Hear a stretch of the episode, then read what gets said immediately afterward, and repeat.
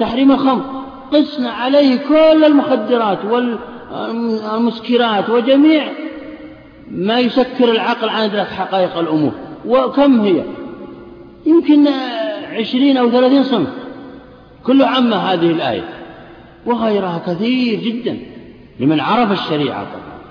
وعرف التعليم الصحيح آه، في هذه الأمور. نعم. فإن قيل يمكن التنصيص على المقدمات الكلية ويبقى الاجتهاد في المقدمات الجزئية فيكون من تحقيق المناط وليس ذلك بقياس. آه. هذا كلام النظام. هذا الاعتراض للنظام. يقول النظام إنكم جعلتم القياس وكأنه هو الذي يلجأ إليه المجتهد عند الضرورة. وهذا غير صحيح. بل بإمكاني أن أوجد أحكاما شرعية للحوادث المتجددة عن طرق أخرى منها تحقيق المناط. فمثلا أنتم الآن يقول النظام يخاطب الجمهور أنتم الآن قستم الأرز على البر في تحريم الربا في كل في تحريم الربا. والعلة هي كون كل واحد منهما مكين أو موزونا أو آه، مطعوما. أثبتت تحريم الربا في الأرز والذرة عن طريق إيش؟ عن طريق القياس. أنا يقول النظام أنا أثبته عن طريق تحقيق المناط كيف ذلك؟ يقول آه، لو دققتم واستقرأتم حديث عبادة بن الصامت في الأشياء الستة لوجدتم أنه أنه يحرم الربا في المطعومات. أليس كذلك؟ قالوا نعم. قال إذا القاعدة كل مطعوم ربوي. هذه قاعدة كلية. زائد الأرز مطعوم هذه القاعدة الصغرى. يساوي أن الأرز ربوي يعني لا يجوز الترابي فيه. إذا توصلت إلى أن الأرز لا يجوز الترابي فيه عن طريق تحقيق المناط لا عن طريق قياسكم هذا الذي يشعرتمون فيه. وهكذا دائما يناقشهم في الأمور العقلية. أعد الاعتراف. فإن قيل يمكن التنصيص على المقدمات الكلية ويبقى الاجتهاد في المقدمات الجزئية فيكون من تحقيق المناط وليس ذلك بقياس. أين واضح اعتراضه؟ نعم جوابه. وذلك مثل أن ينص على أن كل مطعوم ربوي وهذه المقدمة الكلية. فيبقى الاجتهاد في أن هذا مطعوم أم لا وهذا لا خلاف في جوازه. قلنا انت أيه. قلنا واضح الاعتراض الآن. الجواب؟ نعم. اي نعم. يعني أخذه من استقراء من حديث عباد بن الصامت. لكن أيضا حتى ان كل مطعوم ربوي هي ثبتت بالقياس لأن النبي صلى الله عليه وسلم نص على الاشياء السته فقط لا هو أخذ الأشياء الأربعة. التمر والاقط والبر والزبيب أليست مطعومات؟ هو ذكرها. في حديث عباد يقول هذه مطعومات. ما دام حرم الترابي في المطعومات اذا كل مطعوم داخل من جهة القاعدة الكلية. ألم أقل تحقيق المناط؟ هناك أن أن ينص الشرع على قاعدة كلية. يقول هذه قاعدة كلية ولو لم هو عددها ولكن استفدت منها أنه يريد هذا. إذا القاعدة الكلية القاعدة الكبرى هي كل مطعوم ربوي. القاعدة الصغرى أن الأرز مطعوم يساوي أن الأرز قاعدة يمشي عليها مثل كل طالب ناجح هذه قاعدة كلية. زيد طالب إذا هو ناجح وهكذا. لا التعميم ليس بقياس هو هو الآن سيأتينا مسألة مستقلة. أنه إذا نص الشرع على يجب إلحاق جميع الفروع بها وجوبا. هو قاله النظام نصا. لماذا من باب العموم يقول؟ سيأتينا إن شاء الله. نعم.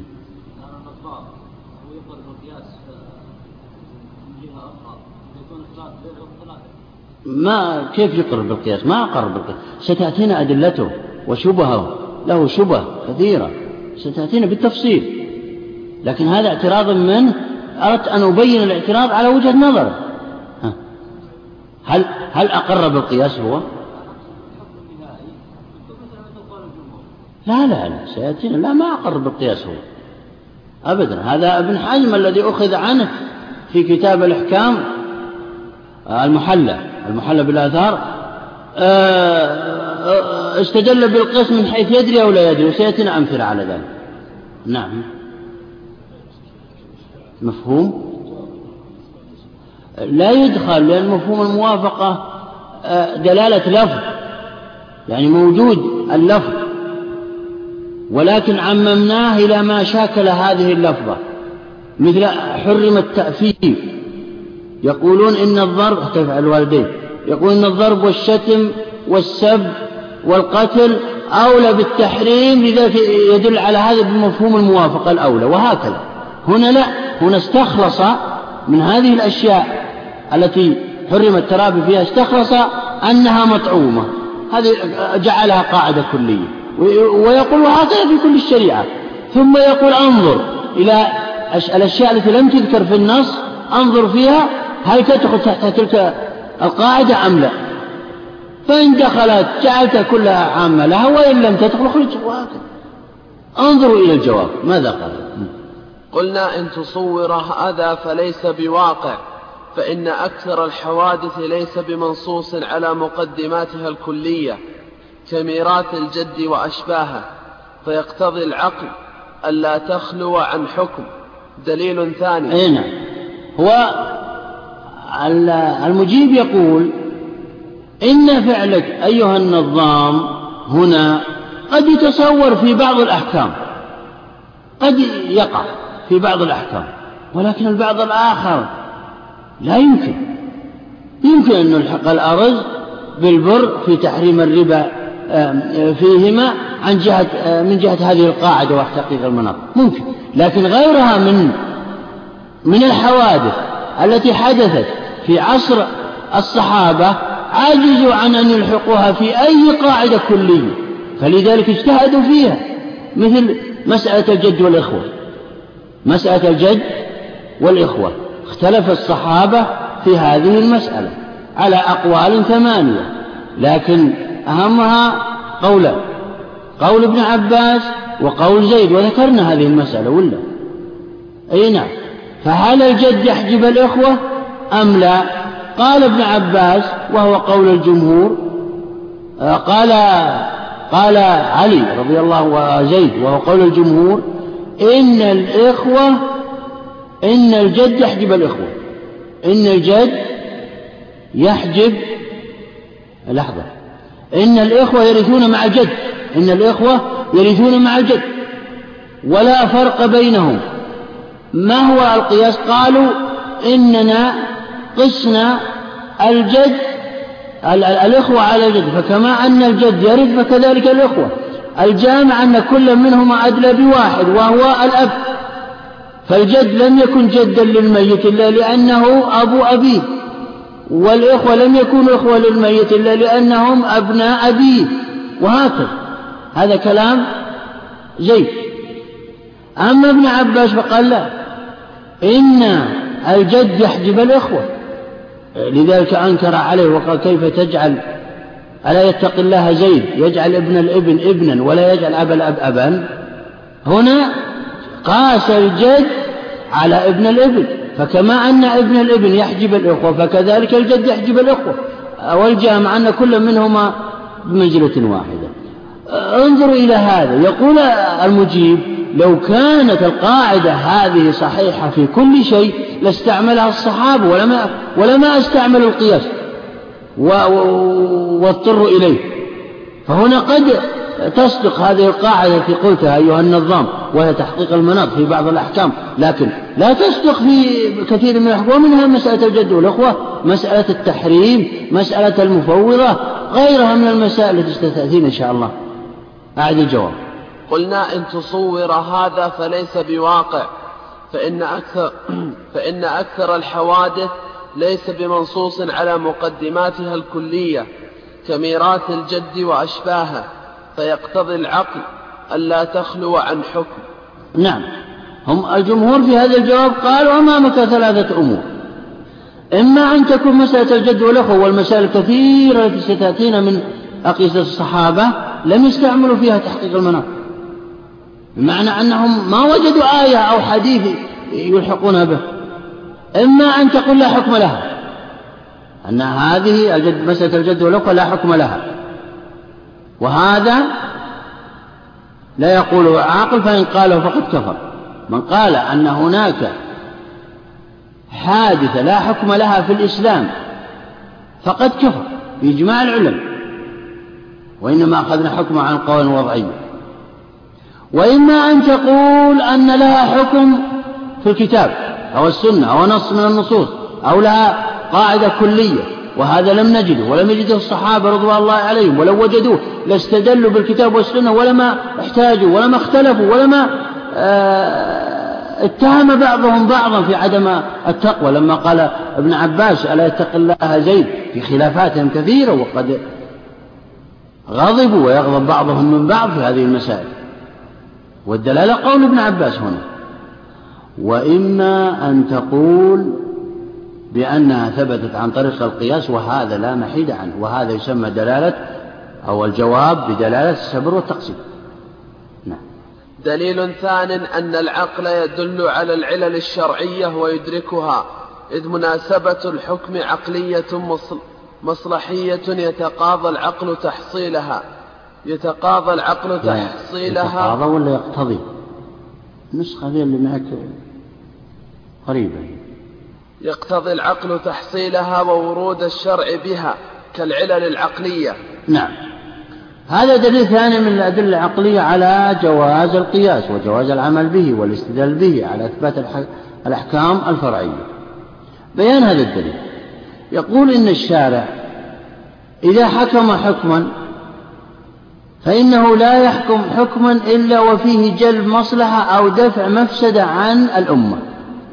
وهذا إما أن ينص الشارع على هذا أو يستنبطه المجتهد وهو جلب المصلحة ودفع المفسدة.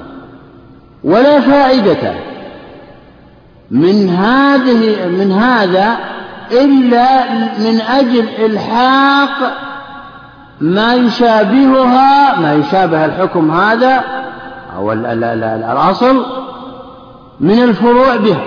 لا فائدة لنص الشارع على العلة. أو إيماء إليها أو جعل العقل عقل المجتهد يدركها إلا لأجل إلحاق الفرع بالأصل بواسطتها. فلا بد من فعل هذا وإلا لما أتى بشيء والشرع لا يأتي بشيء لا فائدة منه. كالعلل العقلية بمعنى أننا إذا غلب على ظننا أن هذا الجدار قد مال لغرض من الأغراض فإننا نتجنبه. العقل السليم يقول بأنك تتجنب هذا وتنهى عن الجلوس تحت هذا الجدار. هذه العلة العقلية. فكذلك هنا. فالشارع لا ينص على علة ولا أو يومئ إليها أو يجعل عقل المجتهد يدركها إلا لفائدة. لا فائدة لها عندنا إلا إلحاق الفرع بالأصل بواسطتها. هذا كلام الجمهور. إذ يخلو الشارع إذ لا يأتي الشارع بكلام لا فائدة فيه لأنه هذا عبث وينزه الشارع عن عن التكلم بالعبث. هذا دليل وإن كان المصنف عبر بتعبير آخر فهذا ما ذكره كثير من العلماء. أعد الدليل. دليل ثان أن العقل يدل على العلل الشرعية ويدركها. أي نعم يعني أن الشارع وهو الله عز وجل قد جعل عقل هذا المجتهد يدرك هذه العلة. وهذا المجتهد من ورثة الأنبياء. وهو الذي سخره بأن يدرك هذه العلة. إذا, إذا لم ينص الشارع عليها. نعم. إذ مناسبة الحكم عقلية مصلحية يقتضي العقل تحصيلها وورود الشرع بها. يعني يقصد أنه أن الحكم مناسب لجلب المصالح للأمة أو دفع المفاسد عنهم. فالمناسبة أدركها العقل هذه المناسبة وهي عقلية. لأن هذا المجتهد الذي بلغ درجة الاجتهاد وعرف موارد الشريعة ومصادرها عرف أن الشارع لا يأمر بأمر إلا وفيه مصلحة ولا ينهى عن شيء إلا وفيه مضرة. فجملة علمه بهذه الأمور قال إن هذا الحكم لمصلحة كذا وهي العلة. المصلحة هي العلة ترى. فلذلك إذا وجدت هذه العلة وهذه المصلحة في فرع من الفروع وجزء من الجزئيات ألحق هذا هذه الجزئية بذلك الأصل بواسطة تلك الجامع هذا وهو, وهو الوصف وهو, الصفة وهو يعني العلة. نعم. كالعلل العقلية ولأننا نستفيد بالقياس نقف على الدليل الثالث.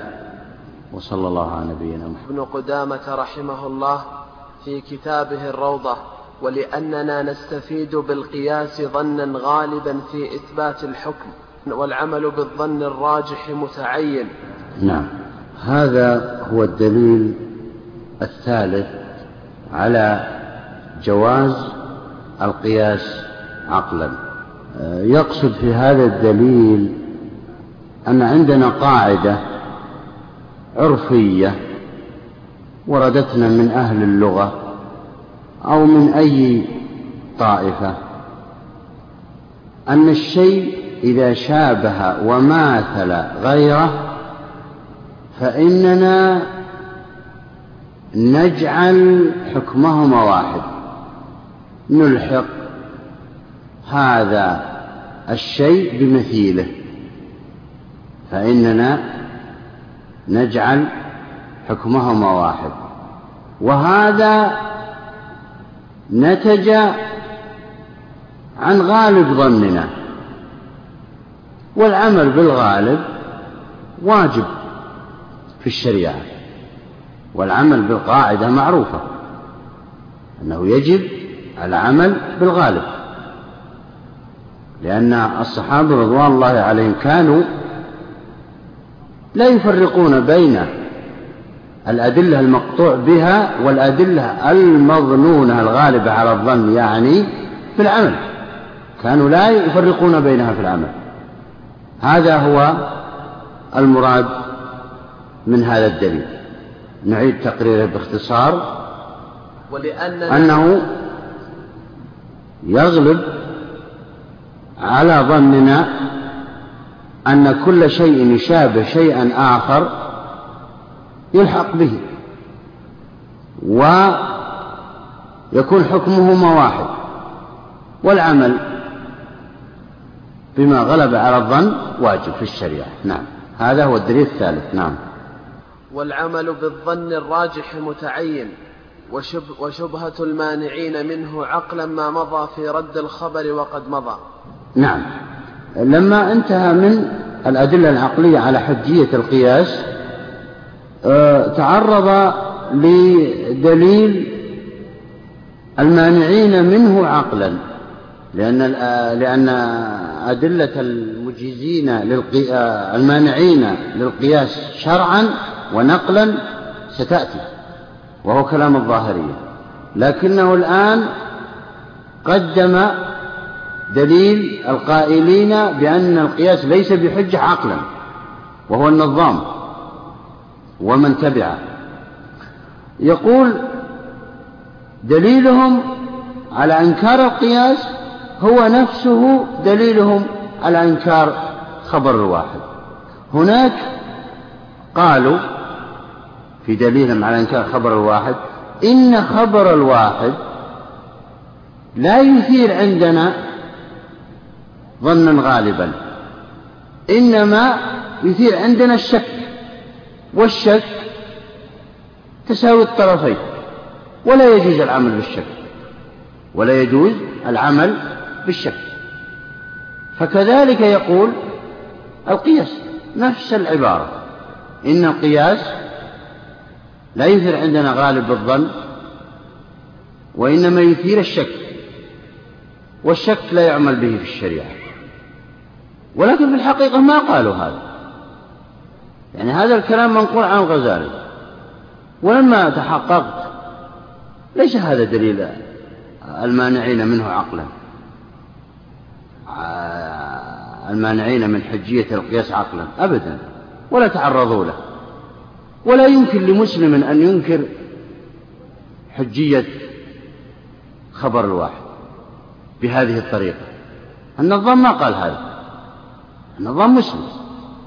هو معتزل معتزلي ولكنه مسلم. لكن هناك الحجية التي قيلت هناك أو الكلام الذي قيل هناك هو لبعض البراهمة وبعض المنكرين. للشريعة حتى.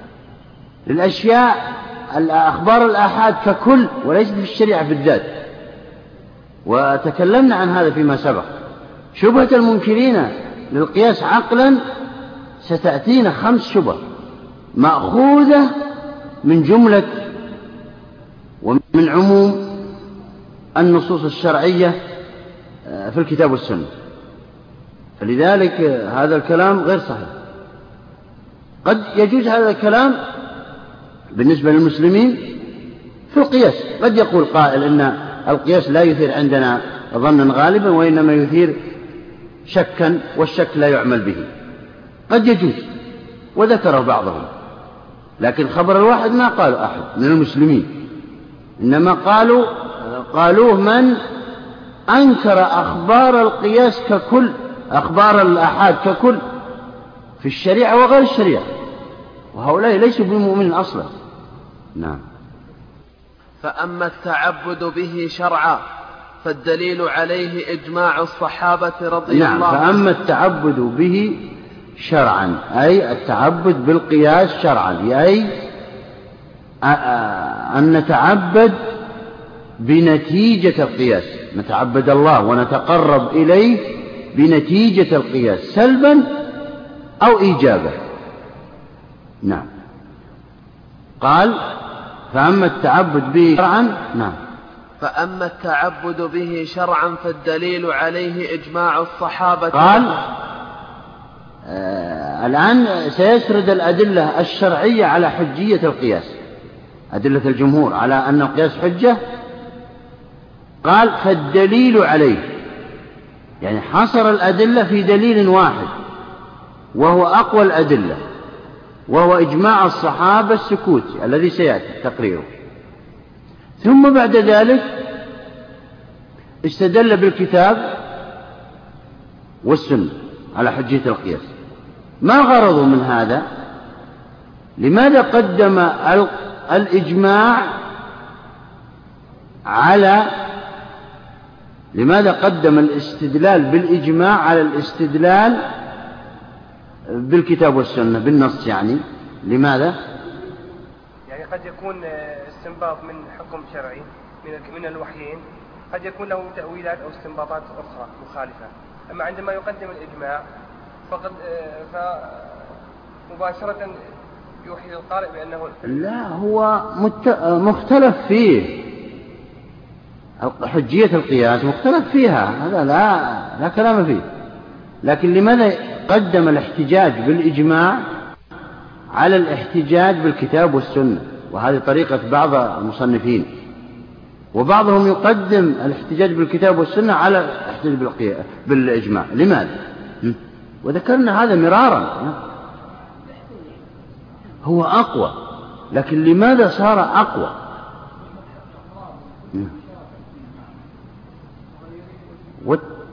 اعتريه النسخ والتأويل. هذا ما قاله العلماء. يقولون إن الاستدلال بالإجماع أقوى من الاستدلال بالنصوص. لماذا؟ لأن, الاست... لأن الإجماع لا يعتريه أو لا يتعرض له أو لا يقبل النسخ ولا التأويل. لا يقبل النسخ ولا التأويل. لماذا لا يقبل النسخ؟ لأن الإجماع لا يكون إلا بعد الاجتهاد. والاجتهاد لا يكون إلا بعد وفاة النبي صلى الله عليه وسلم. أما النص فهو يقبل النسخ والتأويل. لذلك تجدون أكثر العلماء قدموا الاحتجاج بالإجماع على الاحتجاج بالكتاب والسنة. وبعضهم يقدمون الاحتجاج بالنص لشرفه لا لقوته لشرف الكتاب والسنة. لأن لأنهما صدرا من الله ومن رسوله ومن الشارع. شرف يقدم. لكن أن الكتاب أو السنة يقبلان النص. قد قد هذا قد يكون هذا النص منسوخا وقد يكون مؤولا وقد يكون كذا إلى آخره. وهذا ذكرناه مرارا ترى يا جماعة. فلذلك قال المصنف هنا فأما التعبد به شرعا فالدليل عليه. كأنه يقول لا دليل عندي إلا ما سيأتي وهو الإجماع. ثم ذكر هناك بقوله واستدلوا بقوله تعالى فاعتبروا يا أولي الأبصار. كان غيره استدل بها بها تلك الآيات. وبعضهم اقتصر على دلالة إجماع الصحابة السكوتي على حجية القياس بقوته. نعم. فأما التعبد به شرعا فالدليل عليه إجماع الصحابة رضي الله عنهم. على الحكم بالرأي في الوقائع الخالية عن النص فمن ذلك حكمهم نعم. بإمام طريقة الاستدلال بإجماع الصحابة السكوت على حجية القياس هو أنهم إذا حدثت حادثة بين الصحابة بعد وفاة النبي صلى الله عليه وسلم فإنهم ينظروا إن وجدوا حكمها في الكتاب أخذوه وإن وجدوا حكمها في السنة أخذوه وإن لم يجدوا رجعوا إلى الاجتهاد.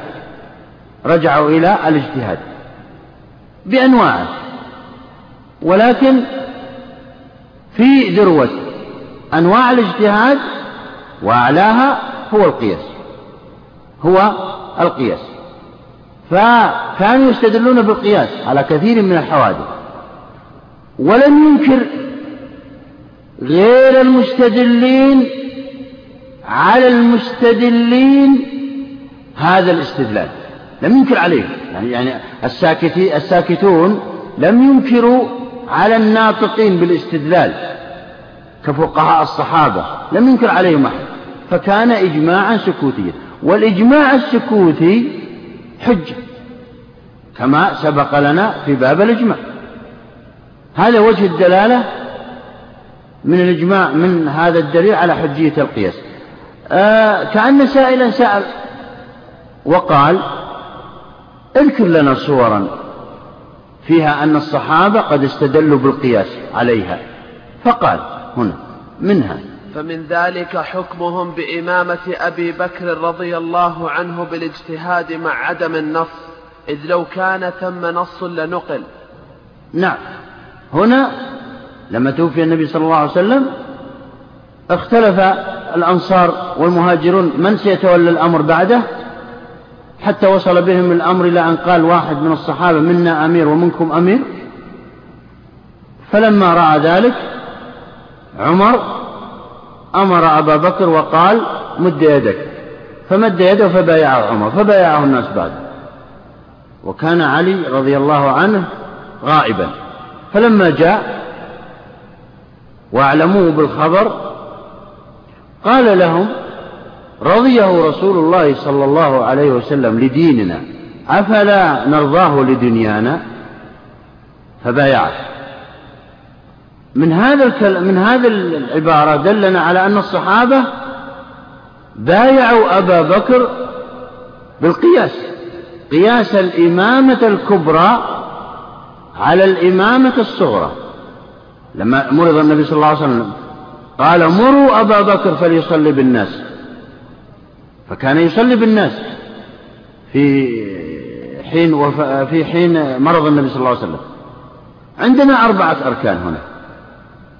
الأصل الإمامة في الصلاة. الفرع الإمامة العظمى وهي الخلافة. العلة الجامعة بينهما ما هي؟ الصلاحية في كل الصلاحية في كل. الحكم لابد لكل قياس من أربعة أركان. كما أن أبا بكر صلح للإمامة الصغرى وهي الصلاة فكذلك يصلح أن يكون الإمامة الكبرى وهكذا. هذا ثبت عن طريق القياس. إذ لو كان هناك نص لاحتج به لما اختلف الصحابة أصلا على إمامة أبي بكر في أول الأمر. لا استدلوا به وانتهى الأمر. ولكنهم استعملوا القياس ونصوا عليه. ورويت هذه العبارة عن غير علي. نعم. وقياسهم العهد على العقد. نعم. أحسن عليك. إذ, إذ لو كان ثم نص لنقل وتمسك به المنصوص عليه.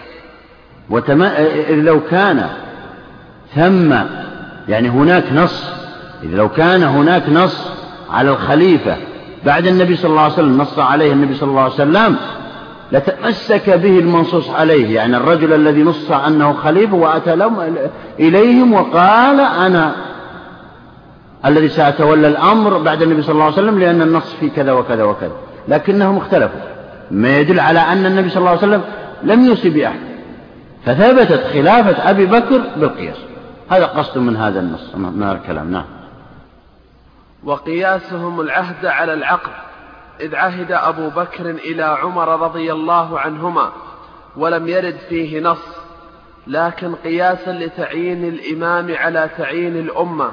نعم. كذلك جعل أبي بكر جعل أبي بكر عمر وليا للعهد بعده وليا للعهد في حياته وخليفة بعد وفاة أبي بكر.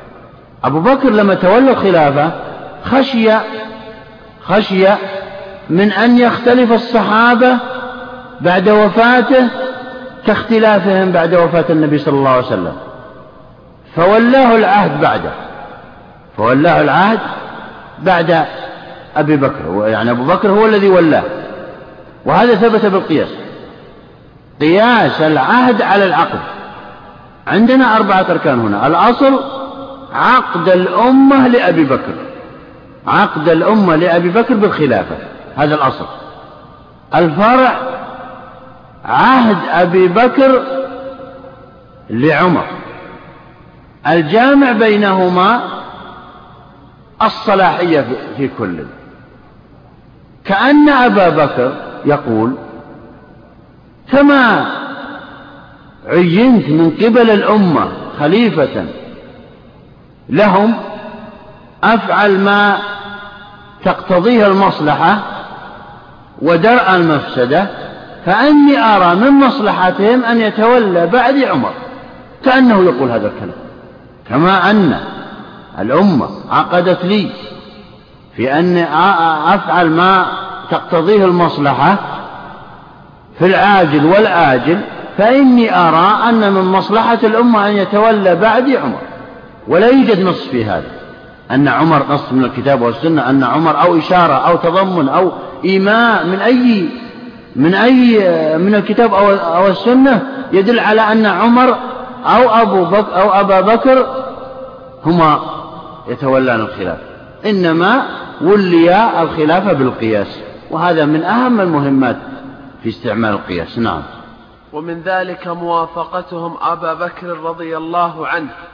في قتال مانعي الزكاة بالاجتهاد وكتابة المصحف بعد طول التوقف فيه. نعم.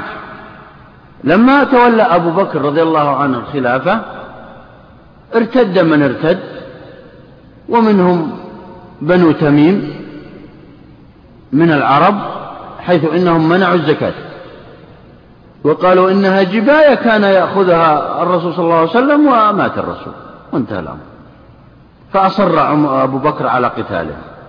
وقال والله لأقاتلن من فرق بين الصلاة والزكاة. وكان عمر يناقشه ويجادله ويحاوره ويقول له إن بني تميم يقولون لا إله إلا الله فكيف تقاتلهم؟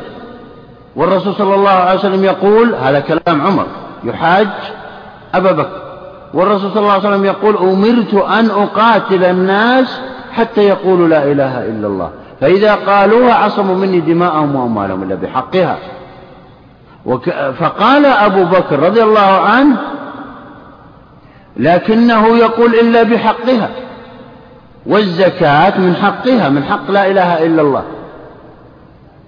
فأجمع العلماء بعد أبي بكر والصحابة على أن أبا بكر أفقه من عمر في هذه المسألة. حيث أنه استثمر الاستثناء هنا. فقاتلهم. وقال عمر والله ما هي إلا برهة وقد شرح الله سبحانه وتعالى صدري لما قاله أبو بكر. وقاتلهم وكان في ذلك وكان جيش أسامة قد أصر أبو بكر أيضا على إخراجه وكان في ذلك نصر الإسلام والمسلمين حيث إن أعداء المسلمين من اليهود ومن العرب ومن غيرهم رأوا رهبة في ذلك قالوا هذه الجيوش التي صدرت من المدينة بهذه الطريقة لا بد أن يكون عندهم قوة فما هي إلا سنة ونصف وقد كلهم عادوا إلى الإسلام الذين ارتدوا. نعم. هنا قياس. يعني استعمل أبو بكر القياس هنا. قاس الزكاة على الصلاة. الأصل الصلاة. الفرع الزكاة. العلة الجامعة بينهما أن كل منهما أن كل منهما ركن من أركان الإسلام. لا تقوم كلمة لا إله إلا الله إلا به. يعني لا تصح كلمة لا إله إلا الله إلا به. الحكم كما أن نقاتل من ترك الصلاة لأنه كافر فكذلك نقاتل من ترك الزكاة. لا فرق بينهم. نعم. وكتابة المصحف بعد طول التوقف فيه. نعم وكتابة المصحف. لما أبو بكر رضي الله عنه قد بعث جيوشا إلى المرتدين وغيرهم قتل أكثر حفاظ القرآن. فخشي بعض الصحابة من أن يذهب القرآن بذهاب حفاظه وبموتهم. فاقترح أن يكتب المصحف. كان في السابق لا يكتب يحفظ في الصدور فقط. فعرض بعضهم ولكن البعض الآخر احتج بالقياس هنا. فأجمعوا بعد ذلك على أن المصلحة تقتضي كتابة المصحف ودليل ذلك هو القياس. ما هي أركان القياس؟ الأصل حفظه في الصدور الفرع حفظه بين الدفتين وهو الأوراق يعني. العلة الجامعة بينهما دفع مفسدة ضياعه أو تقولون الجمع في كل كله جائز. الحكم كما أن المصحف يحفظ في الصدور فكذلك يحفظ في الصحف. لا فرق بينها في الحفظ. يؤيد ذلك أن الإنسان يؤجر على قراءته في الصحف يعني نظرا كما يؤجر من قرأه حفظا كل واحد عشر درجات عشر درجات لكل إيه؟ حرف. نعم. وكتابة المصحف بعد طول التوقف فيه وجمع عثمان له على ترتيب واحد. كذلك هنا. كتابة المصحف في عهد عثمان رضي الله عنه بترتيبه كان المجموع في عصر أبي بكر لم يرتب ترتيبا كترتيب مصحف عثمان الذي الآن نقرأه. إنما رتبوه في السور وفي الآيات في عهد عثمان لأن المصلحة اقتضت ذلك. قياسا على حفظه في الصدور. قياسا على حفظه في الصدور. نعم. واتفاقهم على الاجتهاد في مسألة آه، في كل حرف في كل حرف عشر حسنات. عشر حسنات. نعم. فلا يفرق. بل بل إن بل إنه ورد عن بعض الأئمة كالإمام أحمد أنه يقول القراءة قراءة القرآن نظرا أكثر أجرا من قراءته حفظا. لأن النظر إلى الآيات أيضا فيها أجر. نعم. واتفاقهم على الاجتهاد في مسألة الجد والإخوة على وجوه مختلفة مع قطعهم أنه لا نص فيها. اي نعم. هذه مسألة الجد والإخوة مسألة اختلف الصحابة فيها على أقوال كثيرة وتناقشوا وتجادلوا فيها. مسألة حدثت بعد النبي صلى الله عليه وسلم ولم ترد في عهد النبي صلى الله عليه وسلم. هل الجد يحجب الإخوة؟ أم يرث الإخوة مع الجد؟ فذهب زيد إلى أن الإخوة يرثون مع الجد ومعه جمهور الصحابة ومعه جمهور الصحابة. وزيد أفرض الصحابة كما هو كما ورد عن النبي صلى الله عليه وسلم أن أفرضكم زيد وأعلمكم بالحلال والحرام معاذ. نعم. واستعمل القياس هنا. استدل بأن الإخوة يرثون مع جد واستعمل القياس هنا. ما هو؟ أن قال هنا هذه المسألة مرت علينا ولا؟ ها؟ لكن مرت علينا هذه المسألة. أين فقال إنه كما يرث الجد كذلك يرثون الإخوة. لا فرق بينهم لأن كل واحد منهما في مرتبة واحدة بالنسبة للميت. فالأصل الجد عند زيد والفرع الإخوة. والعلة الجامعة بينهما أن كل منهما في مرتبة واحدة بالنسبة للميت فالإخوة ما صاروا إخوة للميت إلا لأنهم أبناء أبيه. والجد ما صار جدا للميت إلا لأنه أبو أبيه فلا فرق بينهم. والحكم كما يرث الجد كذلك يرث الأخوة. أما ابن عباس فقال لا إن الجد يحجب الأخوة. ألا يتقي الله زيد؟ يجعل ابن الابن ابنا ولا يجعل أبا الأب أبا. انظر إلى المناقشات الحادة بينهم. هذا كلام ابن عباس. استعمل القياس أيضا. فقال إن أو أركان القياس عند ابن عباس أن الجد أو الأصل الأصل عند ابن عباس هو ابن الابن والفرع هو الجد. والعلة الجامعة بينهما أن كل منهما في مرتبة واحدة بالنسبة للميت. فكما أن ابن الابن يحجب الإخوة فكذلك الجد يحجب الإخوة لا فرق بينهم. كل منهم استعمل القياس. هذا مقصود المصنف من هذه الأمثلة وهو أنه يبين أن الصحابة استعملوا القياس واستدلوا به من غير إنكار. الآن ابن عباس ما أنكر على زيد أنه استعمل القياس أنكر القياس نفسه الذي استعمله فقط. لم ينكر القياس نفسه أو الاستدلال بالقياس.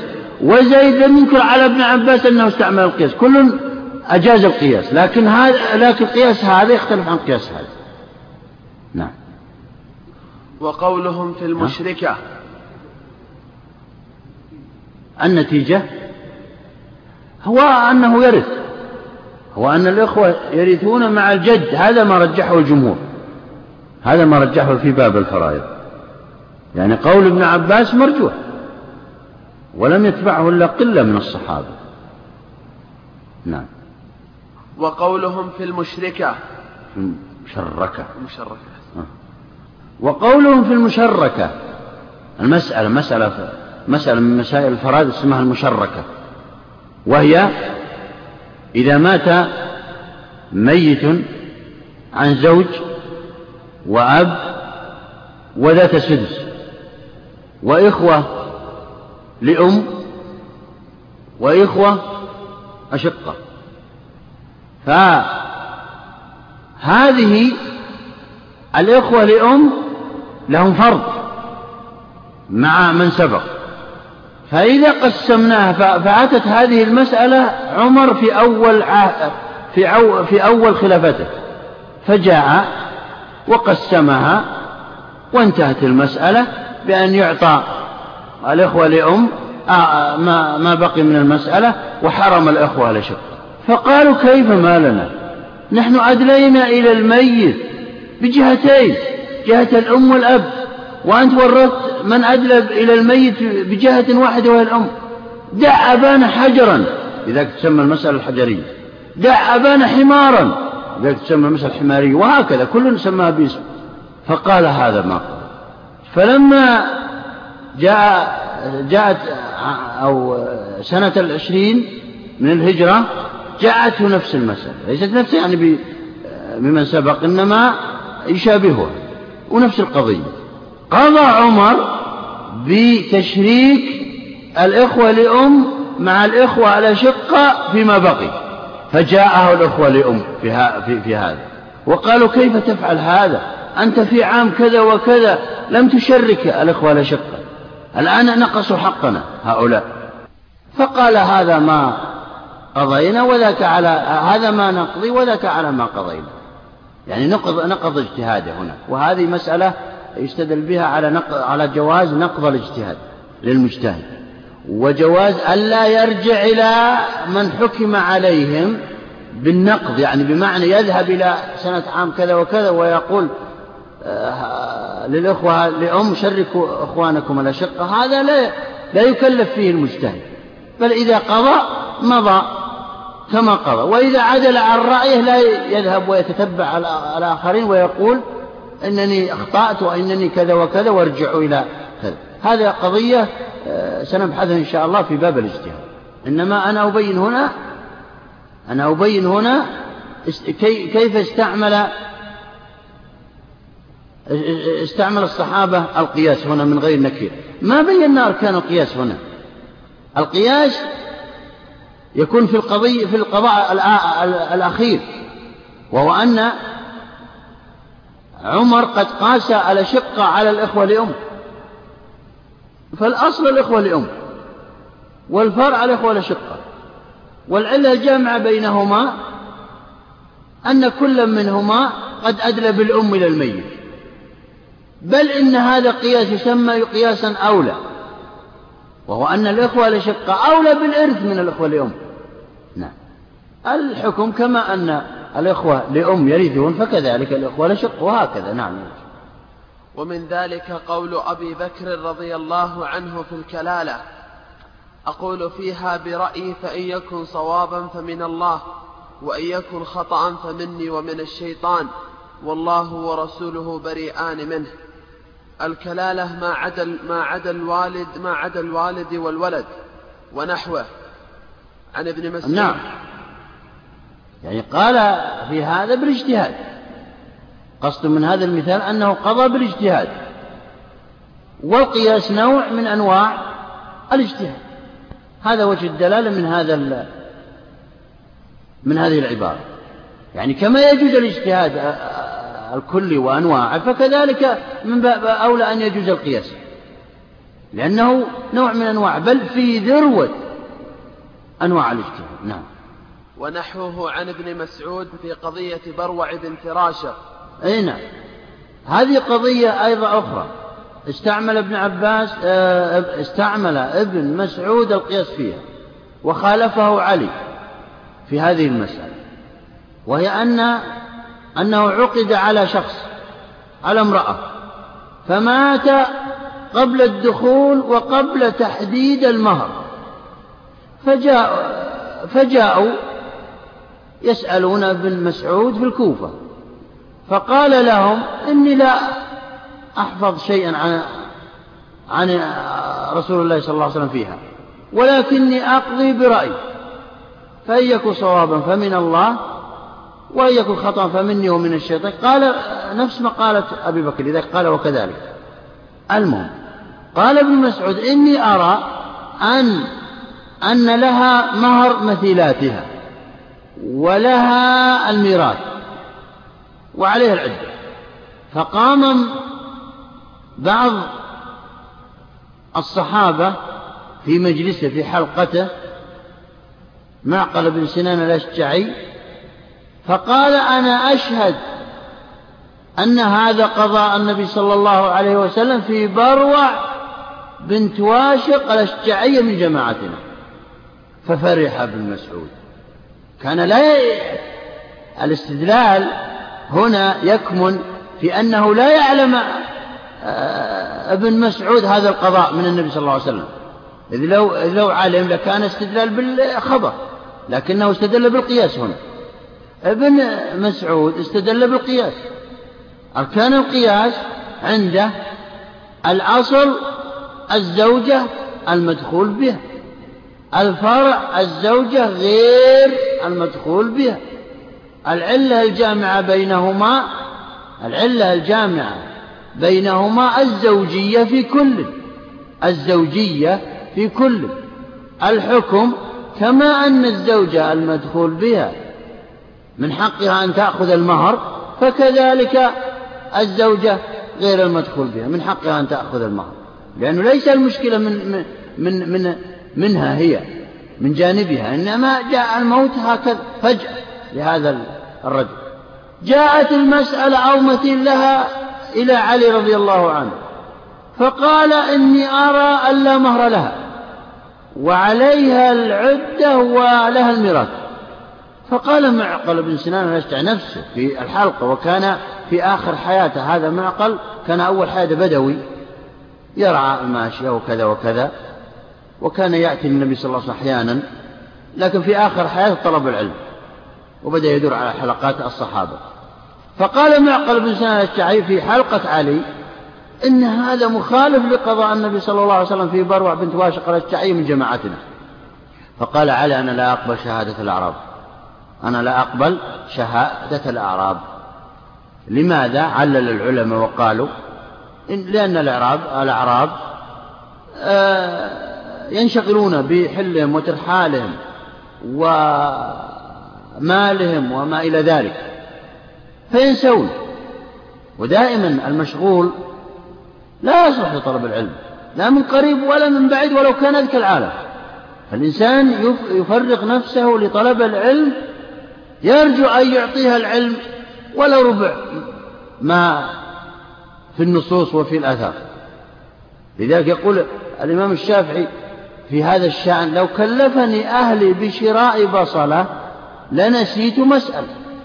لاحظوا إمام من أئمة الأربعة إمام في اللغة إمام في في الشريعة. فلذا يجب عليه أن يتفرغ لطلب العلم إلا ما اقتضته الضرورة. القصوى. المهم ما هي أركان القياس عند علي رضي الله عنه؟ أرك... الأصل عنده لاحظوا أركان القياس تختلف عن أركان القياس عند ابن مسعود في هذه المسألة كاختلاف آه، مسألة الجد والأخوة بين زيد وبين ابن عباس. فالأصل عند علي الأجنبية والفرع الزوجة غير المدخول بها. والعلة الجامعة بينهما كون كل واحد منهما لم يعاشرها زوجها أو لم يجامعها أو أجنبية بالنسبة لذلك العاقل أو تقولون كما قال بعضهم عدم الاستمتاع في كل عدم الاستمتاع في كل. والحكم كما أن الأجنبية لا تستحق المهر لو سمي لها. فكذلك الزوجة غير المدخول بها لأن الجامع عدم الاستمتاع في كل في كليهما. الجمهور مع ابن مسعود في هذه المسألة وأن لها مهر مثيلاتها وهكذا. الصحابة كانوا يغوصون في الاستدلال بالقياس.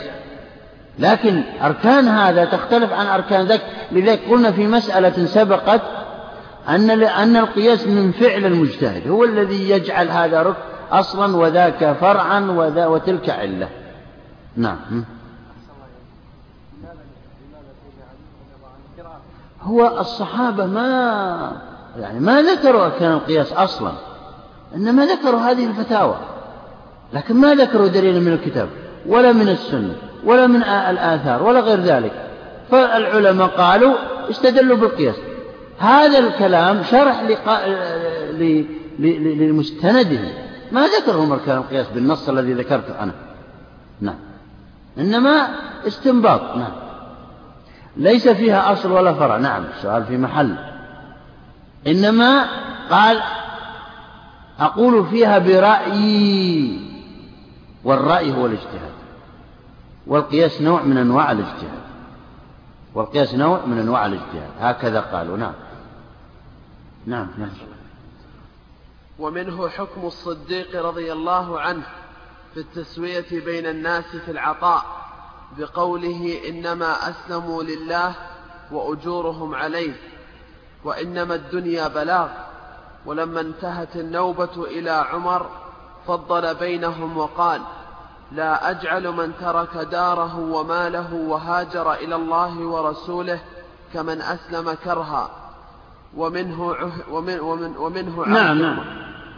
أيضا هذه المسألة هذه المسألة.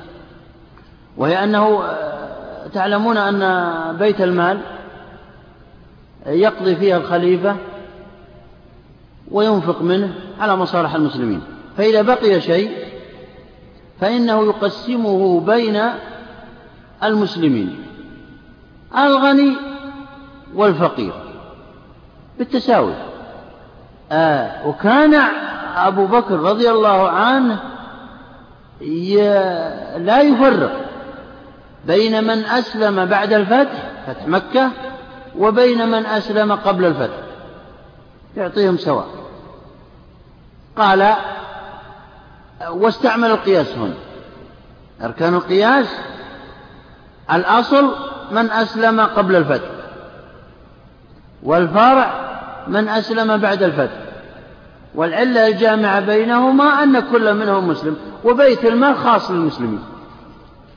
لما جاءت النوبة وهي الخلافة لعمر فرق بينهم.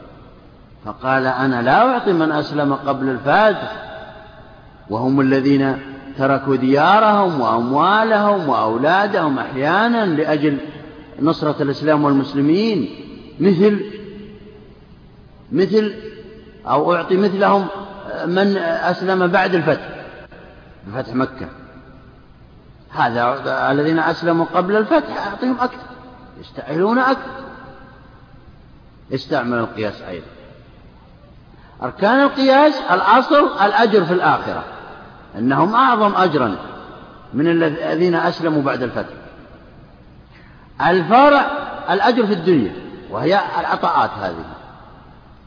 العلة الجامعة بينهما العلة الجامعة بينهما أن أنه يقدم في كل من بذل مجهودا وبذل النفس والنفيس لأجل الله عز وجل. فكل له وجهة نظر. نعم.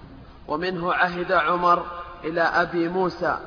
اعرف الأشياء. كأن عمر يقول كما أن الله ضاعف لهم الأجر وأعطاهم ومدحهم في من أسلم قبل الفتح فكذلك ينبغي أن نعاملهم أن نعامل هؤلاء. وهكذا في جميع الخلفاء الذين جاءوا بعد عمر الدولة الأموية والعباسية كانوا يرون لمن ناصرهم ومن آه، يعني آه، آزرهم آه، يرون مقامه لهم فيعطونه ويعطون أولاده من بعده وإلى آخره. نعم.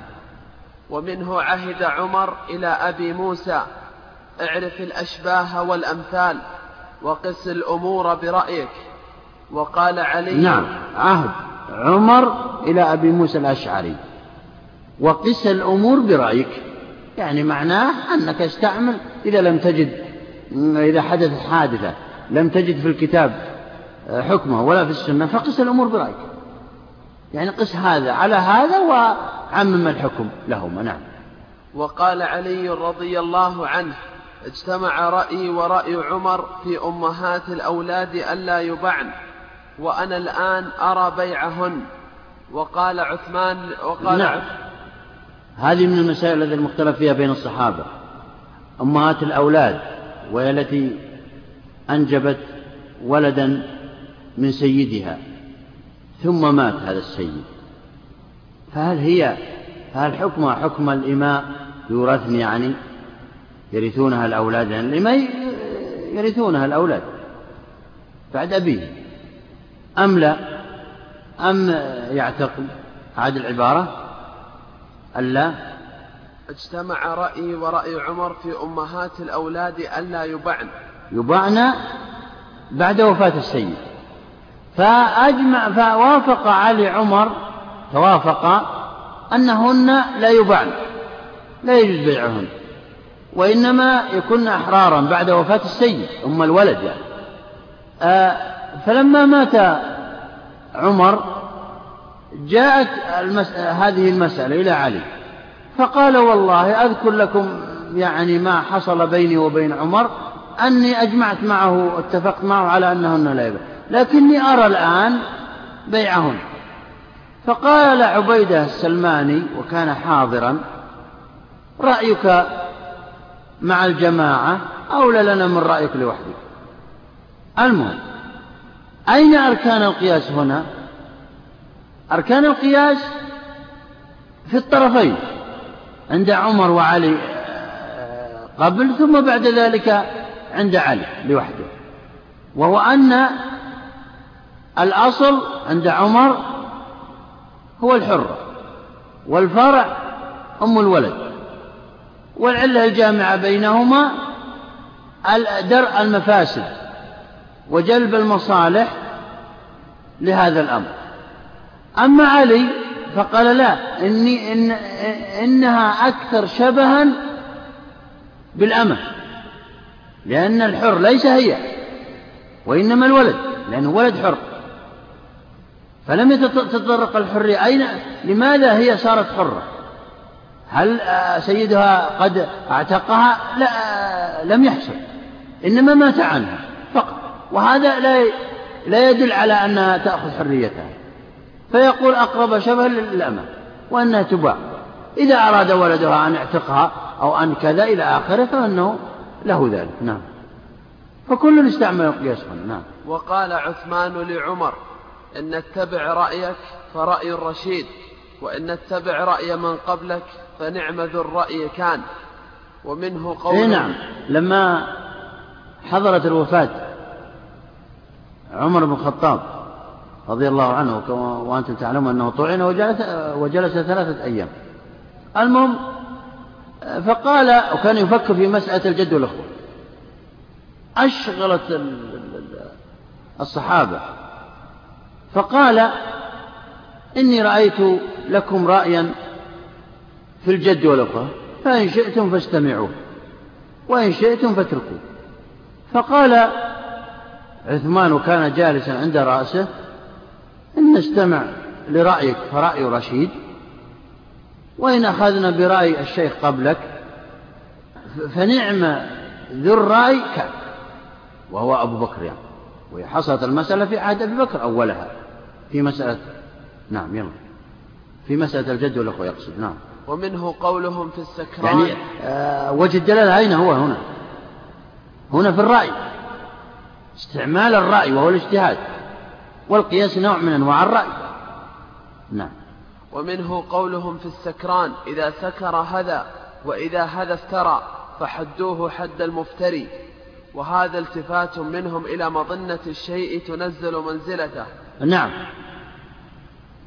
أعد العبارة. أه. ومنه قولهم في السكران إذا سكر هذا وإذا هذا افترى فحدوه حد المفتري. أي نعم. مسألة حصلت في عهد عمر رضي الله عنه وهي أنه كثر شرب الخمر. فكان يجلد الشخص ويجلد ويجلد مع ذلك يعود. فسأل فجمع الصحابة وسألهم ماذا ترون فقال علي رضي الله عنه ورويت عن غيره يعني إنني أرى أن السكران إذا سكر هذا وإذا هذا افترى.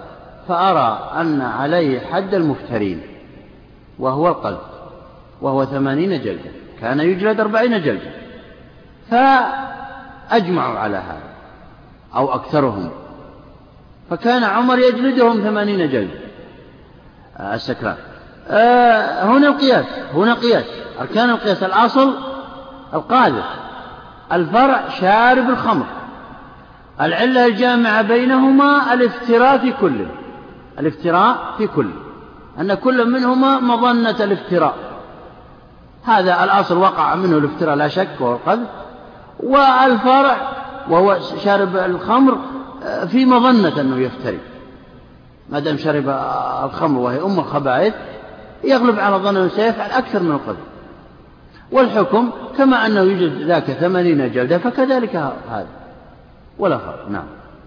وقال معاذ للنبي صلى الله عليه وسلم أجتهد رأيي فصوبه فهذا وأمثاله مما لا يدخل تحت الحصر مشهور. هذا لا يدخل هذا المثال الأخير ترى. لا يدخل في إجماع الصحابة. هذا في السنة سيأتينا بالنص. ولكن ما أدري سبقة قلم من المصنف. لأن هذا سنة فصوبه النبي صلى الله عليه وسلم. في هذا يعتبر من السنة التقريرية. لأن عنوان الدليل هنا هو إجماع الصحابة السكوت. نعم. فهذا وأمثاله مما, مما لا يدخل تحت الحصر مشهور. إن لم, إن لم تتواتر آحاده حصل بمجموعه العلم الضروري. أنهم كانوا يقولون بالرأي وما من وقت إلا وقد قيل فيه بالرأي. ومن لم يقل فلأنه أغناه غيره عن الاجتهاد وما أنكر وما أنكر على القائل وما أنكر على القائل به فكان إجماعا. هذا جواب عن اعتراض مقدر. الاعتراض مفاده هو أن المعترض وهو النظام أو الظاهرية الذين أنكروا القياس قال هذا المعترض إنكم قد رويتم لنا من عدد من الصحابة يعدون على الأصابع استعملوا القياس. استعملوا القياس. وهؤلاء آحاد ولا حجة في أخبار الآحاد أو خبر الآحاد لا يثبت قاعدة أصولية كالقياس. خبر الآحاد أخبار الآحاد يقولون لا يثبت قاعدة أصولية كالقياس. الجواب مفاده هنا الذي ذكره المصنف هو أن المجيب يقول نعم إنها أخبار آحاد لا شك. لكن بمجموعها أفادتنا التواتر المعنوي على أن الصحابة رضوان الله عليهم قد قضوا بالقياس وأفتوا واستدلوا به ولم ينكر عليهم الساكتون ذلك. لم ينكر عليهم الساكتون في هذا الاستدلال يعني. فكان إجماعا سكوتيا. فكان إجماعا سكوتيا في هذا. والإجماع السكوتي عندنا حجة. نعم. فإن قيل؟ هذا الاعتراض كاعتراضهم على حجية الإجماع هناك لمن يتذكر. لما استدل آه، العلماء بأخبار آحاد على أن. على أن الإجماع حجة. بأخبار آحاد قائلين إن قوله صلى الله عليه وسلم لا تجتمع أمتي على ضلالة لا تجتمع أمتي على خطأ عليكم بالسواد الأعظم. اعترض بعضهم وقال إن هذه أخبارها ابن علية وأبو بكر الأصم والنظام على عدم حجية الإجماع. اعترضوا وقالوا إن هذه أخبار آحاد وأخبار الآحاد لا تفيد آه، أو تثبت قاعدة أصولية كالإجماع. فالجواب نفس الجواب هنا أن هذه النصوص وإن كانت آحادا إلا أنها أفادتنا. تواطؤ وتواتر معنوي على أن الأمة معصومة من الخطأ. فكان فيه حجة فكذلك هذا الجواب مثله نقف على موقف ما هو؟ فإن قيل فقد نقل عنه فإن قيل. الاعتراض هذا قف عليه. وصلى الله على نبينا محمد. نعم نبدأ. بسم الله الرحمن الرحيم.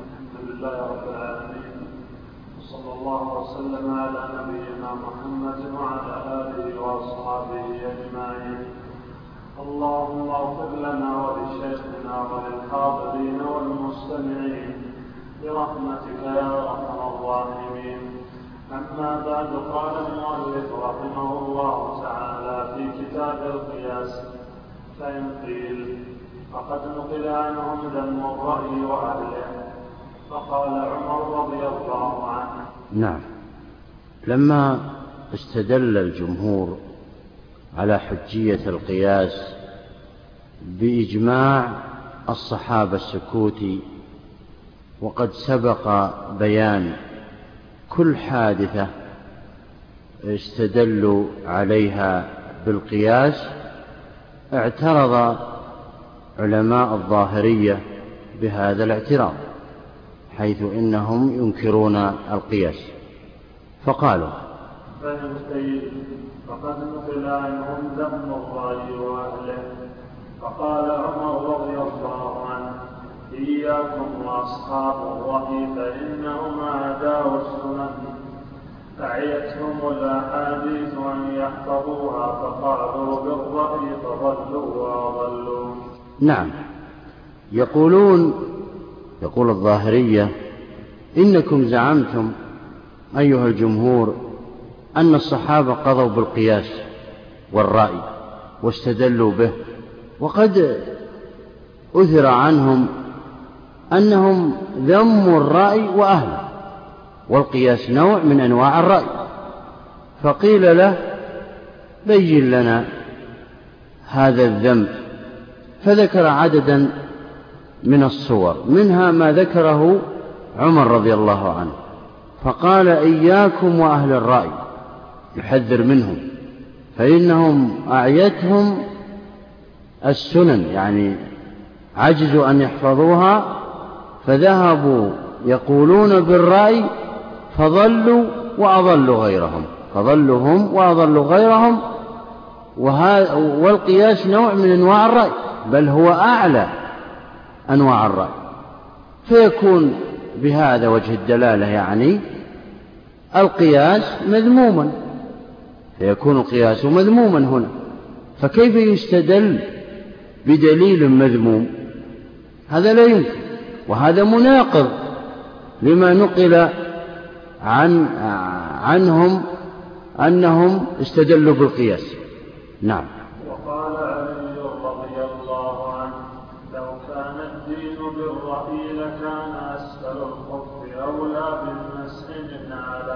نعم. يقول علي رضي الله عنه لو كان الدين بالرأي يعني بمعنى يتدخل الرأي في الدين ومنه القياس والعقل لكان العقل السليم يقتضي أن نمسح أسفل الخف لا على أعلاه لأن الأسفل هو الذي يتعرض للنجاسات.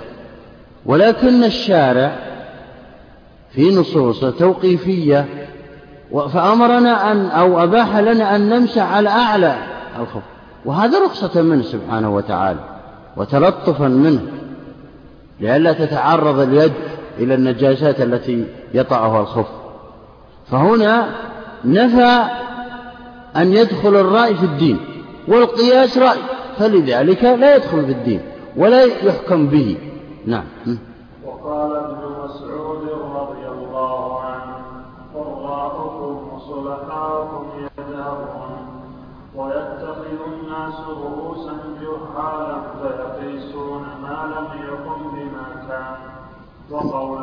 نعم. يعني قصد من هذا أنهم أن القراء للكتاب والسنة والحفاظ يذهبون ويموتون. فإذا ما وجد الناس أحدا اتخذوا رؤساء جهال يقيسون الأمور آه، بغيرها فيحكمون. فوصف القياسين والأهل القياس بأنهم جهلة. هذا يدل على ذم القياس. لذلك لا ليس بحجة. نعم. وقولهم إن حكمتم بالرأي أحللتم كثيرا مما حرمه الله وحرمتم كثيرا مما أحله. نعم. يقول مما يدل على أن القياس ليس بحجة أن الآخذ به والمستدل به يحل كثيرا من المحرمات. ويحرم كثيرا من المباحات. وهذا يدل على أن الآخذ بالقياس ليس على الصراط السوي بل هو ضال ما دام يفعل هذا. نعم. سيأتينا الجواب عنها عن هذه الأمور كلها. نعم. وقول ابن عباس رضي الله عنهما إن الله لم يجعل لأحد أن يحكم برأيه. وقال لنبيه صلى الله عليه وسلم لتحكم بين الناس بما أراك الله ولم يقل بما رأيت. نعم. فنهى الله عز وجل الأنبياء عليهم السلام أن يقولوا برأيهم وهم أقرب الناس إلى الله عز وجل. فمن باب أولى أن ينهى البشر عن ذلك. فهذا قياس أولى يسمى. أنتم معي؟ وهذا الاستدلال فيه. فقد ابن عباس قد قاس هنا. لأن الله أمر نبيه أو نهاه عن أن يقضي برأيه. وأمره بأن يبين ما نزل لهم فقط. وهذا يدل على أن لا يرى في الأمور شيئا وأن يتعبد الناس بشيء ثبت عن طريق الرأي. والقياس نوع من أنواع الرأي. نعم. إياكم والمقاييس فما عبدت الشمس إلا بالمقاييس نعم. هذا قول ابن عباس. وهو الذي قاس هناك الجد على ابن الابن يقول هنا إياكم والمقاييس. فما عبدت الشمس إلا بالمقاييس. يحذرنا من القياس. فيقول ما كفر قوم بالله وعبدوا الشمس إلا بسبب القياس. كيف ذلك؟ قالوا ما هو أكبر شيء من المخلوقات؟ فقالوا الشمس. فعبدوها كما عبدوا الله عز وجل. عندنا أربعة أركان هنا. الأصل هو الله والفرع الشمس والعلة الجامعة بينهما الكبر في كل. والعل والحكم كما يعبد الله فكذلك تعبد الشمس. هذا طبعا قياس هؤلاء الجهلة. هؤلاء الضالون. نعم. وقال ابن عمر أرأيت وأرأيت نعم ذروني من أرأيت و... يعني ذروني من تكرار أنا أرى وأنا لا أرى وأنا أقترح وأنا كذا وكذا. إن كان عندكم نص من كتاب الله ومن سنة رسوله ائتوا لي به. وهذا يدل على ذم الرأي والقياس نوع من أنواعه. نعم.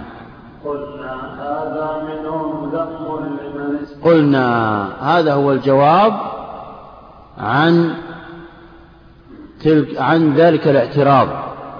ومفاد الاعتراض هو أن الصحابة الذين حكموا بالقياس هناك هم الذين حكموا بذم القياس هنا.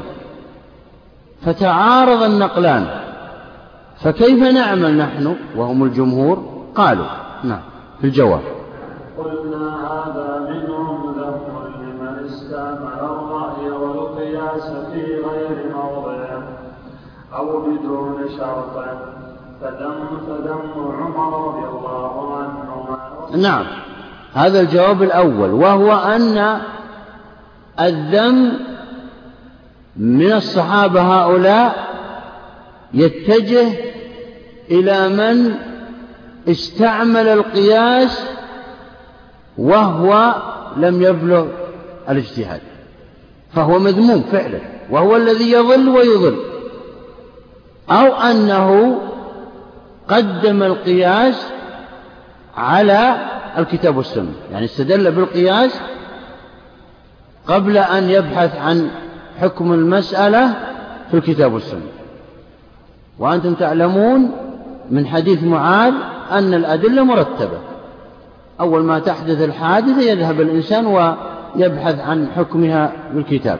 فإن لم يجده فيبحث عنه في السنة. فإن لم يجده يذهب إلى الاجتهاد سواء كان اجتهاد جماعي وهو الإجماع أو اجتهاد فردي وهو المقصود بالقياس أن يقيس الشخص هنا. لكن إذا جاءنا شخص واستدل بالقياس مباشرة على حكم الحادثة فهذا المذموم. وهذا يدل على عدم بلوغ درجة الاجتهاد أصلا. لأنه لو كان بالغا درجة الاجتهاد لرتب الأدلة عرف أن الأدلة مرتبة. نعم. نعم.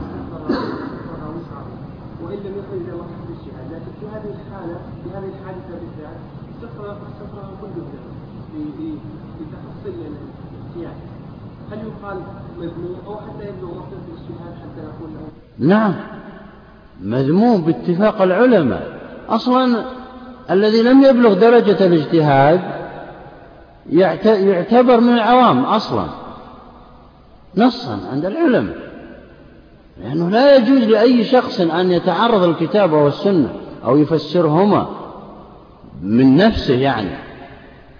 إلا من من شخص قد بلغ درجة الاجتهاد يعرف أن هذه الآية دلالاتها اللفظية والمعنوية دلت على الحكم بالمنطوق أو بالمفهوم وهل لها معارض من الآيات الأخرى أو من السنن؟ لا يعرفه إلا من بذل عمره في الاشتغال بالشريعة. وما جاء الفساد في الشريعة إلا من أشخاص ظنوا أنفسهم أنهم وصلوا فبدأوا يتحرشون ويتدخلون في الشريعة. لذلك يقول النبي صلى الله عليه وسلم كما سيأتينا في الحديث إذا حكم الحاكم فأصاب فله أجران وإن أخطأ فله أجر. من هو الحاكم؟ هو المجتهد له أجران إن أصاب ولكن إن أخطأ فله أجر وإن كان أخطأ لأنه بلغ درجة الاجتهاد وبذل وسعه لكنه أخطأ ومع ذلك له أجر. قال العلماء في شرح هذا الحديث إن جاء شخص لم يبلغ درجة الاجتهاد واجتهد في حادثة وأصاب فإنه يأثم لاحظوا إن جاء شخص وبلغ درجة إن جاء شخص لم يبلغ درجة الاجتهاد فاجتهد في مسألة فأصاب فإنه يأثم لماذا؟ لأجل كسر شوكته لئلا يعتدي على الشريعة في أمر آخر لأن إصابته هنا مصادفة وليست عن علم وفقه دقيق. أنتم لا تظنون أن الإجتهاد مقصور على حفظ القرآن والسنة بل لا بد من معرفة طرق الاستنباط وهو أصول الفقه معرفة دقيقة. نعم. فذم عمر رضي الله عنه ينصرف إلى من قال غير معرفة للنص نعم يعني بمعنى أنه قدم القياس وهو الرأي على النص الكتاب والسنة. فاستدل به وترك الكتاب والسنة. نعم. ألا ترى قال آيتهم الأحاديث يحفظها وإنما يحكم بالرأي في حادثة لا نص فيها. نعم. هو يقول إن عمر إن كلام عمر ينصب على الشخص الذي يقول بالقياس وهو لم يبحث عن دليل المسألة في الكتاب والسنة. ترك النص. بقرينة قوله أعيتهم. يعني يعني عجزوا أن يحفظوا. والحفظ هذا ليس المقصود بالحفظ اللفظي. الحفظ المعنوي يكفي عند العلماء. يعني بمعنى إذا عرف أن هناك إذا عرف أن هناك آيات تدل على مثلا إذا نزلت حادثة في في الأطعمة وعرف أن هناك آيات تدل على الأطعمة في السورة كذا وكذا وكذا فإنه يأتي بها ويضعها كذلك عرف أن هناك أحاديث في الأطعمة وعرف أن هناك آثار من الصحابة في الأطعمة يجمعها جميعا فيرى هذه الحال هل تدخل تحت عموم تلك النصوص أم لا؟ فإن لم يجد ما يناسبه هنا يقيس يبدأ بالقياس. فهو المقصود بذم المقصود فالمقصود بذم عمر هنا الذي يذهب إلى القياس بدون أن يستدل بالنص. نعم. وإنما يحكم بالرأي في حادثة لا نص فيها. لذلك تجدون الأئمة الأربعة قد روي عنهم أن القياس يضطر إليه ضرورة. فقط يلجأ إليه. وقد سبق هذا ذكرناه في تعريف القياس أو ما بعده. يعني لا بد أن نوجد لهذه الحادثة حكما شرعيا. إن لم نجده من الكتاب والسنة فإننا نذهب إلى القياس. لا بد من ذلك. وإلا وإلا آه يعني بقي بقي بقيت هذه الحادثة بدون حكم. وهذا لا يجوز شرعا. من ادعى بأن هناك حادثة على سطح الأرض لا حكم لها في الإسلام فقد كفر بإجماع العلماء ومع ذلك يقول فساق المسلمين أو الكفرة أن الإسلام عاجز عن حل القضايا المتجددة. فأنا قلت إن الأدلة التي أوجدها العلماء اضطرارا هي المصالح والقياس. والمصالح تدخل تحت القياس. لأنه يعلل بتلك المصالح كما سيأتينا. نعم. وإنما يحكم بالرأي في حادثة لا نص فيها. فالذم على ترك الترتيب لا على أصل القول بالرأي. نعم. يقول إن الذم الصادر عن عمر وغير من الصحابة هو على ترك ترتيب الأدلة. لأن ترتيب الأدلة كما جاء في حديث معاذ الكتاب لما قال له إن عرض عليك القضاء فبما تقضي قال بكتاب الله. قال فإن لم تجد قال بسنة رسول الله. قال فإن لم تجد قال اجتهد رأيي. فصوبه النبي صلى الله عليه وسلم. فهذا ترتيب الأدلة. كذلك كما سيأتينا من قدم السنة على الكتاب أيضا يذم مع أنه سنة. فالذم على ترك الترتيب لا على أصل القول بالرأي ولو قدم إنسان القول بالسنة على ما هو أقوى منها كان وهو الكتاب. لماذا يقول هذه العبارة؟ ولو قدم الإنسان واستدل بالحديث قبل أن ينظر في الكتاب فهو مذموم. وما هو أقوى من السنة لا, لا شيء إلا الكتاب. نعم.